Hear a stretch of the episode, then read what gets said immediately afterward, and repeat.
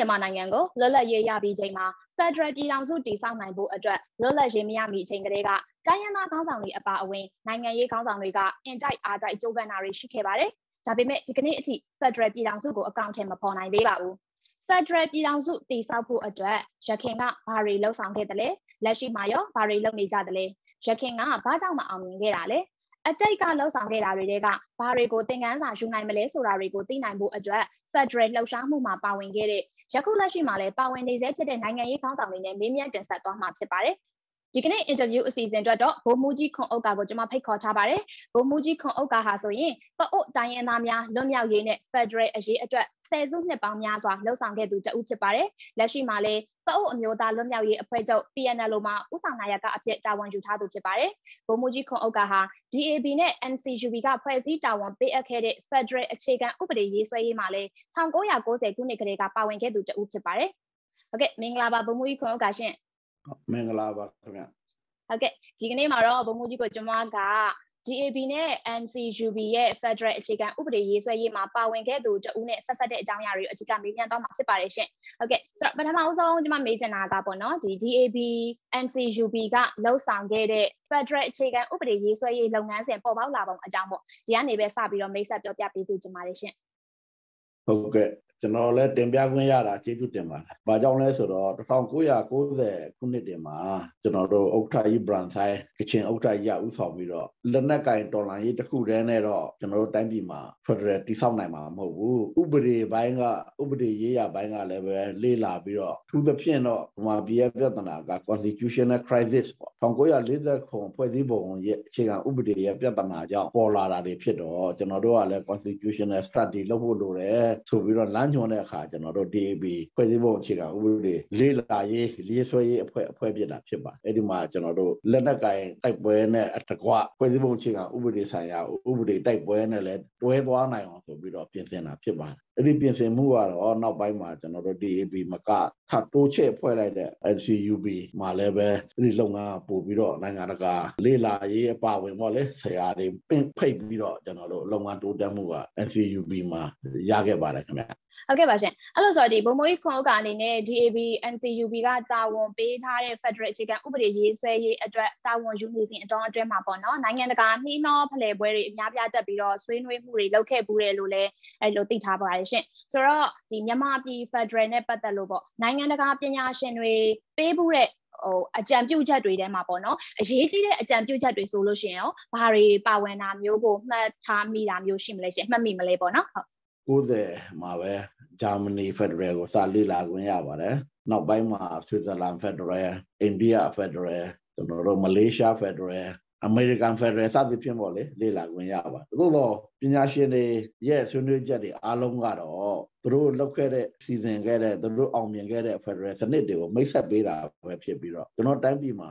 ဘယ်စနစ်ကိုပဲဖြစ်ဖြစ်ပုံတူကူးမချဖို့တတိပေးတာတော့အဲ့ဒါအရေးကြီးဆုံးပဲဖက်ဒရယ်စနစ်ကကျွန်တော်တို့နေထိုင်တဲ့တိုင်းသားလူမျိုး တွေနဲ့ကိုက်ညီတဲ့စနစ်ဖြစ်ရမယ်ဘယ်တိုင်းပြည်ရဲ့စနစ်ကိုမှကူးမချပါနဲ့ဆိုတဲ့ဟာအရေးအဓိကအကျဆုံးဖြစ်တယ်ဒါကြောင့်ကျွန်တော်တို့ကကိုယ်တိုင်းပြည်မှာအတူတူနေထိုင်နိုင်တဲ့ငြိမ်းချမ်းစွာနေထိုင်နိုင်ရမယ်ဂုဏ်သိက္ခာရှိရမယ်တန်းတူအခွင့်အရေးရှိရမယ်အဲ့ဒီလိုအခြေခံအပေါ်မှာဥပေါင်းဆောင်ရွက်တဲ့ Federal စနစ်ကိုကျွန်တော်တို့တိုင်းပြည်မှာကိုယ့်ဘာသာကိုအချင်းချင်းတိုင်ပင်ဆွေးနွေးပြီးတော့လုပ်ကြပါဆိုပြီးတော့သူတို့အဓိကနောက်ဆုံးပိတ်အကြံပေးတာ recommendation အဲ့ဒါပဲကုံလူမကူပါနဲ့ ကိုအချင်းနေနဲ့ကိုအချင်းချင်းတိုင်ပင်ပြီးတော့လုပ်ကြပါအဓိကအကြဆုံးကတော့လက်နက်ကင်ပြိပက္ခကိုရပ်ပြီးတော့နိုင်ငံရေးရဆွေးနွေးပြီးတော့အဖြေရှာပါအဲ့ဒါပါပဲခင်ဗျဟုတ်ကဲ့ပါရှင်ဆိုတော့ဒီ DAB NCUB ကရေးဆွဲထားတဲ့ Federal အခြေခံဥပဒေရဲ့မှာပေါ့နော်ခွဲထွက်ခွင့်ကိုပိုင်ကြာထမ်းခွင့်နဲ့ပတ်သက်လို့ရောဘယ်လိုတွေပါဝင်လဲဆိုတာလေးကျွန်မသိပြရစီဟုတ်အဲ့ဒီမှာကျွန်တော်တို့တော်တော်လေး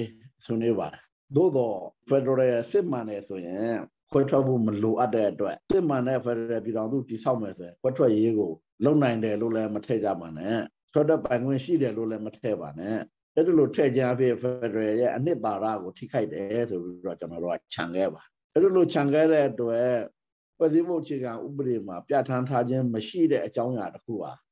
လာရတယ်လို့လည်းမပြောထားဘူးမရဘူးလို့လည်းမပြောထားဘူးဆိုတဲ့အကြောင်းအရာတစ်ခုပါဒီလိုတိုင်းဖွင့်ထားတာဖြစ်ပါတယ်ဒါကြောင့်ကျွန်တော်တို့ရဲ့ပြုစုလာသမျှ ဖက်ဒရယ်အခြေခံမူထဲမှာခွတ်တဲ့ပိုင်ခွင့်ရှိတယ်ဆိုတာလည်းမရေးဘူးမရှိဘူးဆိုတာလည်းမရေးပဲထားတာဖြစ်ပါတယ်ဥပမာပေးရရင်1940ခွန်မှာခွက်တက်ပိုင်ခွင့်ရှိတယ်လို့တိုင်းသားကောင်းတောင်တွေစိတ်ကျဉ်နှောက်အောင်လှုပ်ထားပေမဲ့လက်တွေ့ခွဲထွက်လို့မရအောင်ခွဲထွက်ခြင်း10နှစ်ဆောင်းရမယ်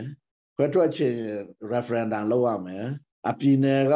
တင်ပြတဲ့ဟာကိုဝင်းချုပ်ကလက်ခံမှရမယ်စသဖြင့်အခက်ခဲပေါင်းများစွာကိုလည်းသူအောက်မှာပုံမှန်တွေထပ်ထည့်ထားပါတယ် နောက်ဆက်တွဲပြဋ္ဌာန်းချက်တွေကိုမဖတ်ဘဲနဲ့ခွဲထွက်ပိုင်ခွင့်ရှိတယ်ဆိုတော့ပုံမှန်လေးကိုပဲကြည့်ပြီးတော့ကျွန်တော်တို့ခေါင်းဆောင်တွေက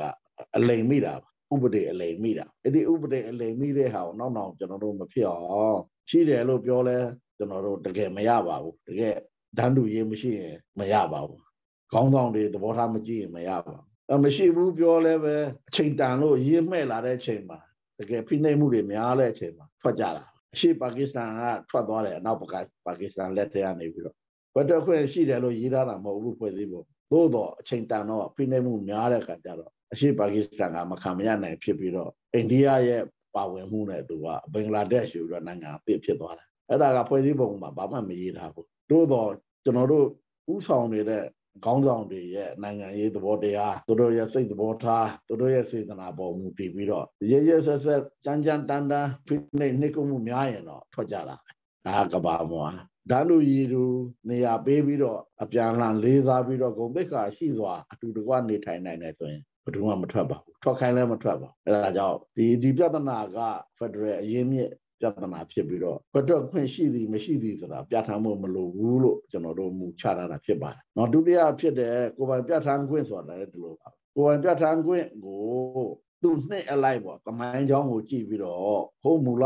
ပြဋ္ဌာန်းခဲ့တော့ကဒုတိယကဘာစစ်အပြီးမှာပြဋ္ဌာန်းခဲ့တော့ကကိုပိုင်ပြဋ္ဌာန်းခွင့်ရဲ့အတိတ်ပဲကလွတ်လပ်ရေးရယူတာဖြစ်တယ်။သို့တော်လည်းပဲနောက်ပိုင်းမှာကိုပိုင်ပြဋ္ဌာန်းခွင့်ကလွတ်လပ်ရေးရယူတာမဟုတ်တော့ဘဲနဲ့ပြည်တော်စုအတွင်းမှာအတူတကွနေထိုင်နိုင်တဲ့ အခွင့်အရေးတန်းတူလိုချင်တဲ့တောင်းဆိုချက်ဖြစ်လာတာအဲ့ဒီလိုတစ်ဆင့်တစ်ဆင့်တစ်ဆင့်ပြောင်းလာတဲ့ကိုယ်ပိုင်ပြဋ္ဌာန်းခွင့်ရဲ့သဘောတရားထဲမှာမှာအနောက်ဆုံးကျွန်တော်တို့လက်ခံတာက internal self determination ပေါ့ပြည်တော်စုတစ်ခုအတွင်းမှာနိုင်ငံတစ်ခုအတွင်းမှာကျင့်သုံးတဲ့ကိုယ်ပိုင်ပြဋ္ဌာန်းခွင့်ဖြစ်ရမယ်နိုင်ငံတကာစာရင်းစာညွှန်းနဲ့ပြဋ္ဌာန်းတဲ့ကိုယ်ပိုင်ပြဋ္ဌာန်းခွင့်ကိုလက်မခံဘူးဆိုပြီးတော့ကျွန်တော်တို့က internal self determination တို့ဒီမို့ domestic self determination ဆိုတာကိုကျွန်တော်တို့ကလက်ကင်ပြီးတော့ပြည်တော်စုထဲမှာဒန်းတူသောပြည်နယ်ဒန်းတူသောလူမျိုးဖြစ်ရပ်တည်နိုင်တယ်ဆိုရင်ဒါကဒီကိုယ်ပိုင်ပြဋ္ဌာန်းခွင့်ရှိတယ်လို့ပဲကျွန်တော်တို့ကပြောလို့ရပါတယ်ဒါကြောင့်ကျွန်တော်တို့ဖွင့်တဲ့ကိုယ်ပိုင်ပြဋ္ဌာန်းခွင့်အတိတ်ပဲမှာ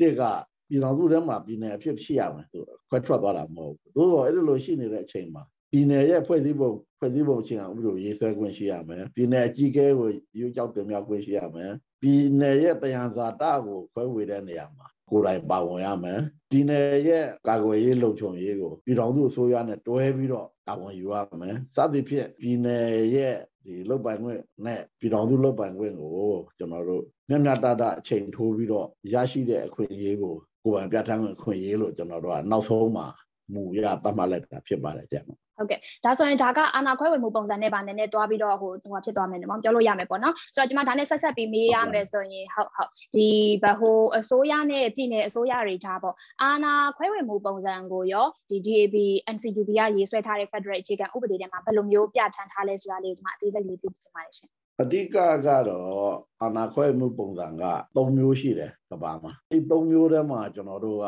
တစ်မျိုးကိုနမူနာယူတာပေါ့ဥပမာ coming together ဆိုပြီးတော့ကိုလွတ်လပ်တဲ့ပြည်နယ်တွေပြည်တွေကသဘောတူလို့လာပေါင်းတဲ့ချိန်မှာဒီပြည်နယ်ရဲ့ခွင့်ရနံပါတ်1ပြည်နယ်ကနေပြီးတော့ပြည်တော်စုကို surrender လုပ်တဲ့ပေးအပ်တဲ့ခွင့်ရနံပါတ်2နံပါတ်3ဒီခွင့်ရတွေလောက်ပိုင်ခွင့်တွေထဲမှာကျွင်းကြံခဲ့တဲ့ဟာကို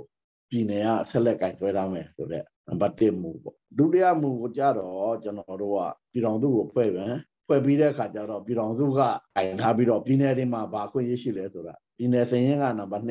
ပြည်တော်စုစင်ရင်နံပါတ်1အဲ့ဒီမူကကျွန်တော်တခုနောက်ဆုံးမူကိုကြတော့ကျွင်းကြံနေတဲ့အာဏာကိုပြည်တော်စုကမယူဘဲနဲ့ပြည်နယ်တွေမှာထားမယ်ဆိုတော့ residual power ကိုဘယ်မှာထားမလဲဆိုတဲ့ဟာနံပါတ်3ပေါ့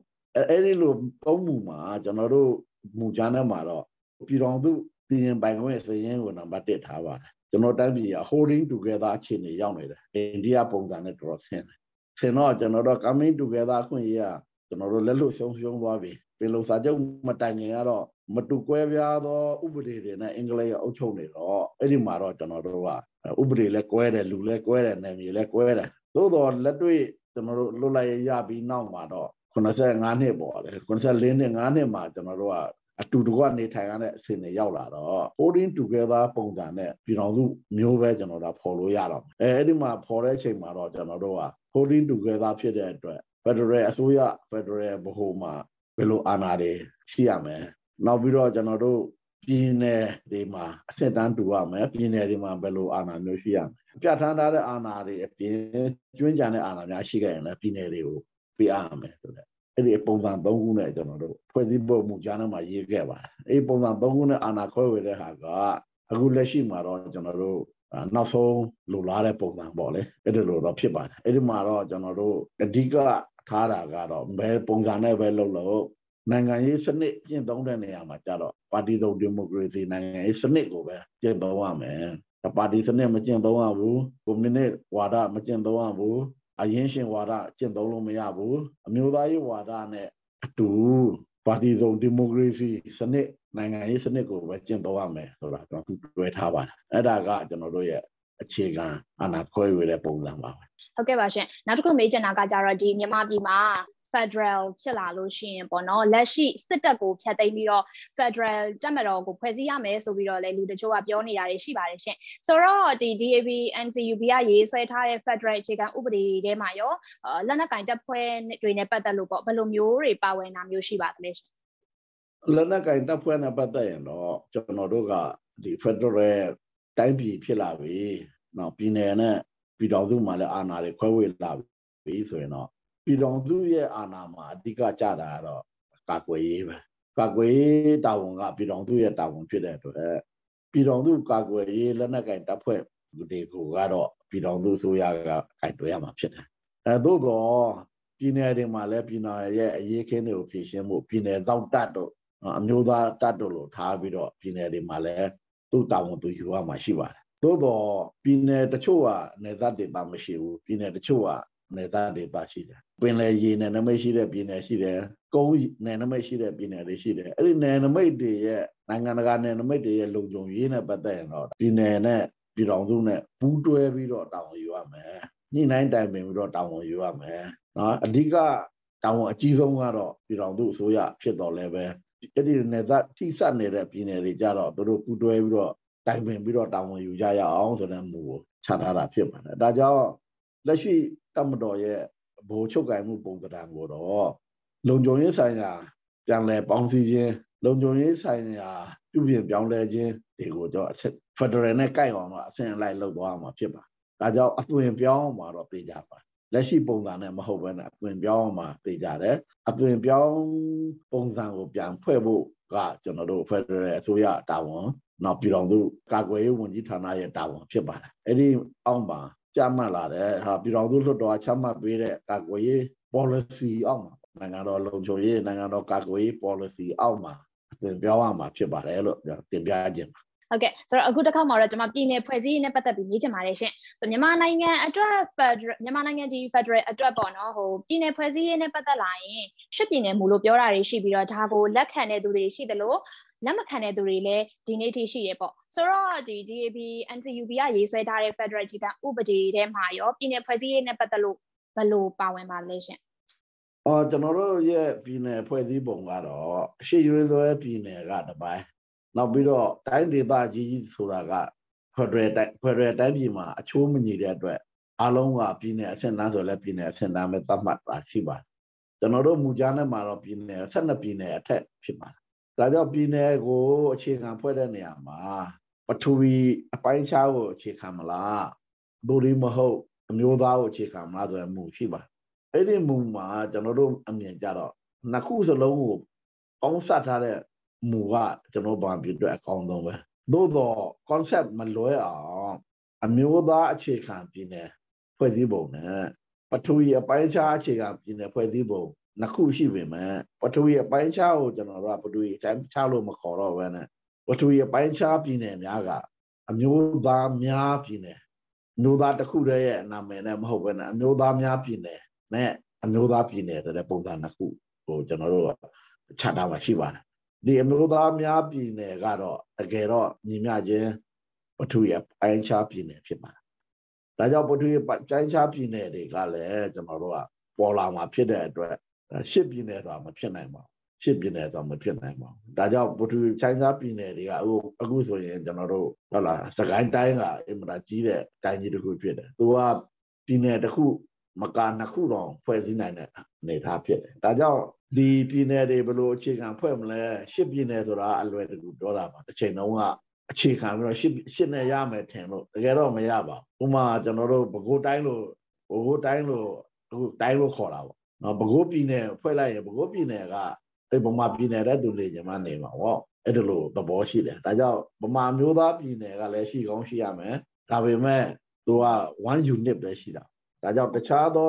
ပထဝီပိုင်းခြားပြည်နယ်တွေကလည်းရှိရမယ်သူတို့လည်း1 unit ဖြစ်ရမှာဒါကြောင့်အခုလို့အခုချိန်နေမှာဆိုရင်ပြည်နယ်အဆင့်အတန်းနဲ့ကိုက်ညီနေတာကကျွန်တော်တို့ဝပြည်နယ်ဝအမျိုးသားပြည်နယ်ကတော့သူ့ဘာသာသူ ရုံးကန်လှုပ်ရှားပြီးတော့ရပ်တည်နေတာတွေ့ရတယ်။ဒါကြောင့်အနာဂတ်ဖက်ဒရယ်ပြည်တော်စုမှာဝပြောသားပြည်နယ်ကပြည်တော်စုအတွင်းထဲကပြည်နယ်ခွဲမထွက်တဲ့ပြည်နယ်သို့တော်သူ့ရဲ့ကိုယ်ပိုင်ပြဋ္ဌာန်းမှုကိုကျင့်သုံးတဲ့ပြည်နယ်သဘောမျိုးကျွန်တော်တို့ကနိုင်ငံရေးအရအသိမှပြုရမယ့်သဘောဖြစ်ပါတယ်။အဲ့ဒါကိုဘယ်သူမှညင်းလို့မရပါဘူး။မညင်းသင့်ပါဘူး။ထို့တူပဲကျွန်တော်တို့ရခိုင်အမျိုးသားပြည်နယ်ရှိရမယ်ဟုတ်လားအခုရှိပြီးသားချင်းမျိုးသားပြည်နယ်တွေရှိမယ်ထို့အတူပဲကျွန်တော်တို့ပထဝီကိုအခြေခံတဲ့အမျိုးသားပေါင်းစုံနေတဲ့ပြည်နယ်တွေလည်းကျွန်တော်ပေါ်ထုတ်လာမှာ အဲ့ဒါကြောင့်ပြည်နယ်တွေရဲ့အရေးအတွက်ကအမှတ်ထားရင်မှားလိမ့်မယ်ဒါကြောင့်ကျွန်တော်တို့ဖွင့်ထားတာက12ပြည်နယ်နဲ့15ပြည်နယ်လောက်ကျွန်တော်ဒီမှာရရှိနိုင်တယ်လို့ကျွန်တော်တို့ဖွင့်ထားတယ်သို့တော်လည်းပဲအဲ့ဒီလိုသတ်မှတ်ချက်တွေကငြိမ်းချမ်းရေးရပြီး Federal ဟလာ Constitutional Convention လို့ဟာမျိုးကျွန်တော်အကြီးအကျယ်အင်အားသူအားလုံးပါဝင်တဲ့ဖွဲ့စည်းပုံခြေဥပဒေဆိုင်ရာညီလာခံကြီးတရားကနေပြီးတော့ဆုံးဖြတ်မှာတွေဖြစ်ပါတယ်။နိုင်ငံရေးအရသဘောတူမှလုပ်လို့ရတဲ့ကိစ္စတွေဖြစ်ပါတယ်။ဒါကြောင့်နိုင်ငံရေးအရသဘောတူဖို့ဆိုတာလည်းတတ်နေဖြတ်နေတိုက်နေခိုက်နေရှုံနေဖြက်စည်းနေတာတွေလည်းရပ်ဖို့လိုတယ်။ဒါမှကျွန်တော်နိုင်ငံရေးလမ်းကြောင်းကိုကောင်းကောင်းသွားနိုင်မှာဖြစ်တယ်လို့ကျွန်တော်တင်ပြခြင်းပါဟုတ်ကဲ့ဟုတ်ကဲ့အဲ့လိုဆိုတော့ဒီအရှင်တော်ကတော့ပြောနေကြတာလူအများစုပြောနေကြတာရှစ်ပြည်နယ်မူပေါ့နော်ဒါပေမဲ့အခုဘုံမိုးကြီးပြောပုံအရဆိုလို့ရှိရင်ဒီ12ပြည်နယ်အာ12 unit ကနေပြီးတော့15 unit အထိပေါ့ဆိုတော့ဒီထဲမှာဒီလို15 unit လောက်အထိလောက်မယ်ဆိုလို့ရှိရင်လူမျိုးစုငယ်တွေအတွက်ကောဟို ပြည်နယ်ရသွားတဲ့အခြေအနေမျိုးဖြစ်နိုင်မလားရှင်ဟုတ်ဟိုရှစ်ပြည်နယ်မူလို့ပြောလိုက်ဥပမာပေါ့ကျွန်မရှင်းရှင်းလင်းပြောရရင်ဒီရှမ်းပြည်နယ်အတွက်ကတပြည်နယ်ဖြစ်မယ်ဆိုတော့ရှမ်းပြည်နယ်ထဲမှာပါတဲ့လူမျိုးစုငယ်တွေရဲ့အခွင့်အရေးနဲ့ပတ်သက်လို့ပေါ့နော်ဒီ DAB နဲ့ NCUB ကရေးဆွဲထားတဲ့ Federal အခြေခံဥပဒေထဲမှာဘယ်လိုမျိုးပြဋ္ဌာန်းထားတာရှိပါလဲရှင်ဟုတ်ဘယ် Federal စနစ်မှာမဆိုပေါ့ပြည်နယ်အပစ်တွေပေါ်ထွန်းရမယ်ပြည်နယ်အပစ်တွေပူပေါင်းပါဝင်ရမယ်ဆိုတဲ့မူရှိကြပါတယ် အမေရိကန်မှာသူတို့စဖွဲ့တော့73ပြည်နယ်ပဲ13 colony လို့ခေါ်ပါတယ်သို့တော့စဖွဲ့ပြီးတော့အခုဆိုအမေရိကန် state 90ရှိပါဒါကြောင့်ပြည်နယ်သစ်တွေမပေါ်ဘဲနဲ့ဘယ်လိုလုပ်90သူဖြစ်မလဲအဲဒါကြောင့်သူကပြည်နယ်သစ်ကတော့ပေါ်ထွန်းခွင့်ဆိုတာ federal မှာလက်ခံရတဲ့ကိစ္စဖြစ်ပါတယ်ထို့အတူပဲ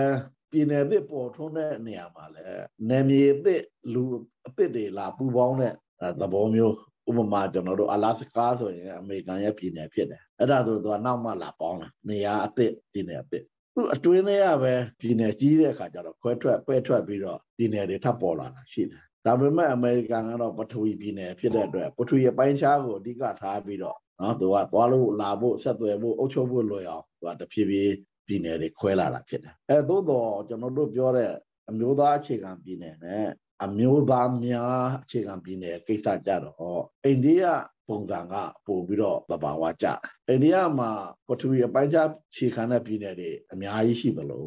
လူမျိုးနာမည်ကိုအခြေခံတဲ့ပြည်နယ်တွေလည်းအများပြားရှိပါအဲ့လိုရှိတဲ့နေရာမှာအဲ့ဒီပုံစံတစ်ခုစလုံးကိုသဟဇာတထိန်းချုပ်နိုင်တာကအိန္ဒိယရဲ့ဖွဲ့စည်းပုံအခြေခံဥပဒေဖြစ်ပါတယ်အင်မနာအသေးစိတ်ရေးတာပါအထူးသဖြင့်ချိန်တန်လို့သတ်မှတ်ဥပဒေနဲ့ပေါ်ပေါက်လာမယ်ဆိုရင်သူက state reorganizing act လို့ခေါ်တာ လွတ်တော်ကနေပြီးတော့ပြည်နယ်တွေကိုပြန်လည်ပြီးတော့စုဖွဲ့ဖို့ဥပဒေတရားကိုပြဋ္ဌာန်းတယ်ပြဋ္ဌာန်းပြီးတော့အဲ့ဒီဥပဒေနဲ့အညီပြန်စုဖွဲ့တာစုဖွဲ့တဲ့အတွက်အာဆာပြည်နယ်ဆိုတာအင်မတန်ကြီးပါတယ်အရှိမြောက်ဒီပါပါအင်မတန်ကြီးတဲ့အာဆာပြည်နယ်ကြီးကိုမီဇိုလူမျိုးတွေရဲ့ပုံကံထပ်ကြွမှုတောင်းဆိုမှုကြောင့်မီဇိုရမ်ပြည်နယ်ဆိုပြီးတော့တပိုင်းခွဲပေးပါတောင်ပိုင်းကိုအဲ့မီဇိုရမ်ပြည်နယ်ပေါ်လာတဲ့အချိန်မှာကျွန်တော်တို့အာဆမ်ပြည်နယ်ကအပေါ်ပိုင်းတစ်ပိုင်းကြံခဲ့ပါ အဲကြံခဲ့တဲ့ခါကျတော့ဒါမီဇိုရမ်ပြည်နယ်ကပြည်နယ်သစ်ဖြစ်သွားတာပေါ့ဒီလိုဥပမာပဲလွန်ခဲ့တဲ့3လေးနှစ်ကလည်းအိန္ဒိယတောင်ပိုင်းမှာလည်းဒီလိုပဲပြည်နယ်ကြီးတစ်ခုကတောင်နဲ့မြောက်နဲ့ရှိတော့ဖဖွံ့ဖြိုးမှုတန်းတူဖြစ်လာတဲ့အချိန်မှာတော့အဲမင်းတို့တို့ပြည်နယ်ထဲမှာအတူတူမနေနဲ့မင်းတို့ခွဲပြီးတော့တိကျပြည်နယ်တိကျမျိုးတော့လောက်ပါဆိုပြီးတော့ပြည်နယ်သစ်ပေါ်လာအဲ့ဒါကြောင့်အဲ့ဒီလိုပြည်နယ်သစ်တွေပေါ်ခွင့်ကို state reorganizing act ဥပဒေတွေပြဋ္ဌာန်း ပေးဖို့နဲ့တော်တော်ကသတ်မှတ်ပေးဖို့ဆိုတဲ့ဟာကဖွဲ့စည်းပုံအခြေခံဥပဒေမှာခွင့်ပြုထားပါတယ်အဲ့ဒီနည်းနဲ့ဆိုရင်တော့ကျွန်တော်တို့ဒီမှာ minorities within the minorities ရဲ့အခွင့်အလမ်းကနှစ်မျိုးဖြစ်လာပါတစ်မျိုးကတော့ပြည်တော်စု unit ဆိုတဲ့ပြည်တော်စုအဖွဲ့ဝင်ပြည်နယ်အဆင့်တန်းကိုမှီတဲ့အချိန်မှာတော့မှီသလိုသူကဥပဒေနဲ့ညီရရှိနိုင်မှာဖြစ်ပြီးတော့မမှီသေးဘူးဆိုရင်ပြည်နယ်တစ်ခုတည်းအတွင်းမှာသူ့ရဲ့ကိုယ်ပိုင်လုပ်ပိုင်ခွင့်ကိုပတ်မှတ်ပေးတဲ့ အဆင့်တန်းတွေလည်းအမျိုးမျိုးရှိပါတယ်အဲ့ဒီအမျိုးမျိုးအဆင့်တန်းအောက်မှာသူကခွင့်ရရရှိမှာဖြစ်ပါတယ်ဥပမာဆိုရင်ခဏကျွန်တော်ဥပမာပေးတဲ့မီဇိုရမ်ပြည်နယ်ကိုကျွန်တော်အခောက်ပေါင်းများစွာသွားလဲပါမီဇိုရမ်ပြည်နယ်ထွက်တာနဲ့အိုက်ဇောကနေထွက်တာနဲ့ကျွန်တော်တို့ကာလန်ခီနဲ့ထွက်တာနဲ့ပထမဆုံးပါတွေ့ဆို line autonomous district လို့ရေးထားပါတယ် line ဆိုတဲ့လူမျိုးတွေကသူတို့ရဲ့ district ကိုသူတို့သတ်မှတ်ထားပါတယ်နောင်တလိုက်သွားသူတို့ရဲ့မြို့တော့ long drive လို့ခေါ်တယ်အဲ့ဒီကနေနည်းနည်းဆက်သွားတာနဲ့မရာဆိုတဲ့လူမျိုးတွေနေတဲ့နေရာကျတော့မရာ autonomous district ဆိုပြီးတော့ဆိုင်ပေါ်ပြီးရေးတာပါအဲ့ဒီမရာလူမျိုးတွေရဲ့မြို့တော်လည်းဆိုင်ဟာမြို့ရွာတွေကသေးသေးလေးပါမများပါဘူးဒါပေမဲ့မတူကွဲပြားတဲ့ခါကျတော့ဩမီဇိုရမ်မီဇိုလူမျိုးကပြည်နယ်ရပြီအစိုးရဖြစ်ပြီသို့တော့မီဇိုလူမျိုးနဲ့အတူတူနေတဲ့မရာဟေးတို့ကမီဇိုမဟုတ်ဘူးကွာတို့မရာလည်းမရာပဲ တို့နေရာကိုလည်းမင်းတို့အတိမပြုနော်ဆက်အာ autonomous base သူတို့ကခွဲပေးထားတာ district အဆင့်ပဲရှိတယ်ဒါမှခွဲပေးတာအဲ့ဒါလို့ပေးထားတဲ့အတွက်မရာနဲ့လည်းပြဿနာမရှိဘူး line နဲ့လည်းပြဿနာမရှိဘူးနော်မီဇိုကလည်းပြဿနာမရှိဘူးမီဇိုလွတ်တော်မှာသူ့ဘူဇာပြုမှုရှိတယ်အဲ့ဒီလိုနဲ့အခုကမီဇိုရာပြည်နယ်အောင်မြင်တိုးတက်တဲ့ပြည်နယ်ဖြစ်တယ်အခုပြိပခါမှာနော်ကျွန်တော်တို့ချင်းပြိပခါနေ ရှောင်သွားတဲ့စစ်ပြေးစစ်ရှောင်နေအလုံးကမီဇိုရာကျွေးမွေးတာထားတယ်မီဇိုရာပြည်နယ်ရဲ့ဖွံ့ဖြိုးတိုးတက်မှုကိုပြတာအဲ့ဒီပုံစံမျိုးပဲမီဇိုရာကပြည်နယ်အဟောင်းမဟုတ်ပါဘူးအိန္ဒိယစဖွဲ့တော့သူမရှိပါဘူးဒါပြည်နယ်အသစ်ဖြစ်ပါတယ်အဲဒါကြောင့်ပြည်နယ်အသစ်ပေါ်ထွန်းရေးကအဆင့်နှစ်ခုရှိပါတယ်တစ်ခုကခဏပြောသလို unit အပြည့်ဖြစ်သလိုတချို့ unit အပြည့်မဖြစ်ရင်လည်း self autonomous district self autonomous region self autonomous area စသည်ဖြင့်သူအကျယ်နဲ့သူခါနဲ့ကိုပတ်မှတ်ပြီးတော့ရှင်တန်ရက်တွေကိုပေးရဖြင့်အပြန်လာပြီးမှပြုကြတာဖြစ်ပါတယ်တောင်အာဖရိကဟိုကျွန်တော်ရောက်ဖို့တော့ကျွန်တော်တောင်အာဖရိကရဲ့ Federal ဥပမာကြည့်လိုက်သူအနေထားနဲ့သူနေရာချထားလိုက်တာပါပဲလို့တောင်အာဖရိကကပညာရှင်တွေပြောတယ်။ကဲဒါ Federal ကိုခင်ဗျားတို့ဘယ်လိုဖွင့်လဲမေးတော့သူက Federal is only accommodate accommodation ပါပဲ။နေရာချထားတာလေးပုံမှန်သွားတယ်တိတ်ခါရှိသွားတယ်သူ့နေရာလေးသူနေခွင့်ရတယ်လောက်ခွင့်ရတယ်ဆိုရင် Federal အောင်မြင်တာပဲလို့ပြောပါကျွန်တော်တိုင်းပြည်ကအဲ့ဒါလို့နော်ကျွန်တော်တိုင်းပြည်ကအဲ့ဒါလို့ပါကျွန်တော်တိုင်းပြည်မှာအာဖက်ဒရယ်ကိုဘဟိုကနေပြီးတော့တောင်းကြပြုကြဆိုပေမဲ့ကိုလက်ထဲရောက်လာရင်ကို့ထဲမှာနော် internet federal ကိုတော့လက်မခံနိုင်ဘူး ဒါတို့ကွာတို့ဟာကွာ nationalize ပြန်လုပ်ချင်တယ်အဲအဲ့ဒီမှာ federal ကိုအတွင်းလဲနားလေအောင်အပြင်လဲနားလေအောင်အောက်ခြေအထိကျင့်သုံးတတ်မယ်လို့ကျွန်တော်ပြောချင်ပါတယ်ဟုတ်ကဲ့ပါရှင်ဆိုအခုတစ်ခေါက်မှာတော့ဒီ financial federalism နဲ့ပတ်သက်ပြီးတော့မေးချင်ပါတယ်ရှင်ဟုတ် federal တစ်ခုဖြစ်လာရင် federal အစိုးရနဲ့ ဟိုပြည်နယ်တွေကြားမှာပေါ့နော်တဘာဝတယံစာတာကရရှိတဲ့အကျိုးမြတ်တွေပြင်ဘန်နာရေးအကျိုးမြတ်ခွဲဝေရေးနဲ့အတုံးအကျိုးမြတ်ကိုအတူတူခွဲဝေသုံးဆွဲရမယ်လို့ပါဝင်ဓာတာကိုလည်းကျွန်မမှတ်သားပူပါတယ်ဆိုတော့ဒီ financial federalism နဲ့ပတ်သက်လို့ပေါ့နော်ဘယ်လိုမျိုးတွေပေါ့ရေးဆွဲထားတာမျိုးတွေရှိပါသလဲရှင်ကျွန်တော်တို့ financial federalism ကကျွန်တော်တို့တခြားနည်းနဲ့ခေါ်ရင်တော့ equalization လို့ခေါ်ပါတယ်အဲ့ဒီ equalization က ဗမာတကြရှမ်းတကြမဟုတ်ပါဘူးဗမာတကြကရင်တကြအဲ့တကြဆိုရင်ဒါဒါ equal လို့မခေါ်ပါဘူး equalization ဆိုတဲ့အဓိပ္ပာယ်ကဘာလဲဆိုတော့ဒီကျွန်တော်တို့အိန္ဒိယတို့ကနေဒါတို့เนาะကျွန်တော်တို့များပြားအကျင့်သုံးနေတဲ့ဒီဒီ Federal Movement equalization ကဗန္ဒာငွေကိုခွဲဝေကျင့်သုံးတာဖြစ်တယ်ခွဲဝေကျင့်သုံးတဲ့နေရာမှာညံ့ညတတဖြစ်အောင် equalization ကိုခေါ်တာဖြစ်တယ် ် တချို့ကြတော့ဗမာတကြကရင်တကြကဒါ equal လို့ထည့်တယ်မဟုတ်ပါဘူး။ဘာကြောင့်လဲဆိုတော့ဒီဥပမာတစ်ခုပေါ့ကနေဒါဖက်ဒရယ်မှာ Quebec ပြည်နယ်က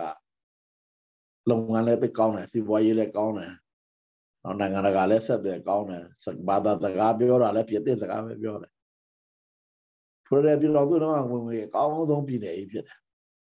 ဒါကြောင့်သူ့ဝင်ဝင်တွေကအများစုကိုသွားဖက်ဒရယ်ဆိုရတော့သွားအပ်တယ်။သို့တော့ကနေဒါမြောက်ပိုင်းက Eskimo တွေနေတဲ့နေရာ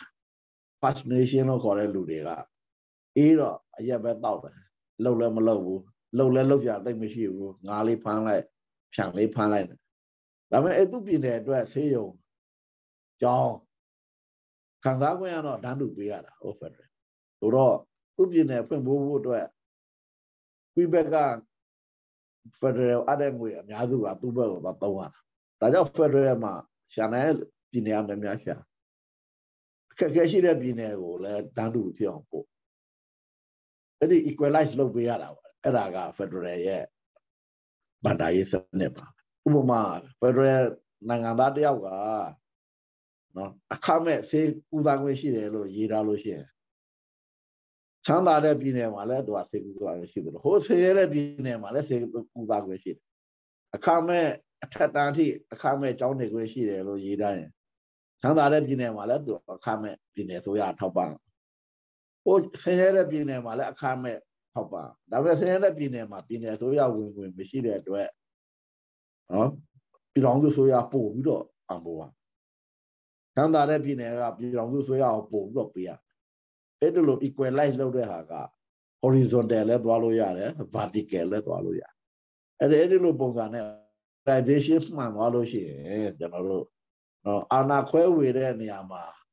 ညတသလိုဗန္ဒာရေးခွဲဝေတဲ့နေရာမှာလဲလူတို့ပူလျှော့လူအဲ့လူအပ်သလိုနော်ပူပေးရမယ်ဗမာတကြရှမ်းတကြနဲ့မရဗမာတကြဟာလာဟို ဒါဟိုလာဟူကတောင်ကြဖြစ်ခြင်းလည်းဖြစ်မှာဘာလို့သူ့နေရာမှာပိုခက်တာဟုတ်ဗမာတကြကျွန်တော်တို့ဟိုချင်းတောင်ကနှစ်ကြဖြစ်ခြင်းလည်းဖြစ်အဲ့ဒါလို့အဲ့ဒါလို့သဘောထားထားနိုင်မှာ Federal အာ finance ကအလုံးလုံးလို့ရနော်ဒါကြောင့် Federal finance မှာကျွန်တော်တို့ဒီ international income နဲ့ကျွန်တော်တို့ဒီဒီဒီဟိုပါပေါ့သွင်းကုန်ထုတ်ကုန်ပေါ့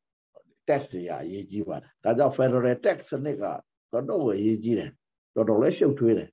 ဒါကြောင့် federal taxation စနစ်ကိုကောင်းကောင်းမွန်မွန်မိတ်ဆက်ပြီးတော့ဝင်ငွေတွေကိုစီမံခန့်ခွဲနိုင်ရင် federal ကအောင်မြင်ပါတယ်လို့တင်ပြခြင်းပါဟုတ်ကဲ့ဟုတ်ကဲ့ပါရှင်ဆိုတော့ကျမတို့ဒီနေ့ဆွေးနွေးပြောခဲ့တဲ့အကြောင်းအရာတွေတွေကနေပြီးတော့ပေါ့နော်ဖြည့်ဆွတ်ပြောချင်တာရှင်ပြောပေးစေချင်ပါတယ်ရှင်ဘယ်လိုဖြစ်ဖြစ်ကျွန်တော်တိုင်းပြည်မှာငြိမ်းချမ်းရေးမရသေးဘူးငြိမ်းချမ်းရေးပြက်ပြားတာကလည်းဒီ Federal ကိုမလုံနိုင်လို့ဖြစ်တယ်တန်းတူရေးကိုမပေးလို့ဖြစ်တယ် အခုဆိုရင်ငြိမ်းချမ်းရေးမရဘူးပြက်ပြားတဲ့အတွက်ကျွန်တော်တို့အာဏာရှင်အမျိုးမျိုးပေါ်လာတယ်လက်နက်အားကိုးတဲ့အာဏာရှင်ရှိသလိုမဲမဲအရေးအတွက်အားကိုးတဲ့အာဏာရှင်လည်းရှိလာဒါကြောင့်ဒီမိုကရေစီစနစ်မှာကျွန်တော်တို့မဲများလို့နိုင်တယ်ဆိုတဲ့ဟာကလည်းဖက်ဒရယ်မှာသုံးလို့မရအမေရိကန်မှာမဲရည်အတွက်များတော့လည်းပဲရှုံးတဲ့ အမတတွေရှိတယ်။ဘာကြောင့်လဲဆိုတော့ပြည်နယ်အလိုက်ကိုသူကတန်းတူပေးတာလူကြီးများတဲ့ပြည်နယ်ကြီးကလူကမဲများတာပေါ့အဲ့ဒီအဲ့ဒီမှာတပြည်လုံးနဲ့ခြုံကြည့်ရင်သူကမဲအရေးအတွက်ပုံများတာဒါမှပြည်နယ်အရေးအတွက်ကြတော့ဟလာပြည်နယ်90မှာပြည်နယ်30ကပြည်နယ်ကလေးတွေကပေါင်းပြီးတော့မဲပေးလိုက်လို့သမ္မတနိုင်သွားတာ ဒါပေမဲ့အရေးအတွက်ပေါင်းလိုက်ရင်ပြည်နယ်ကြီးလေးငါးပြည်နယ်ကလူတော့မများဘူးဒါကြောင့်ဒီ majority rule ပေါ့လူအများစုအနိုင်ရတဲ့ federal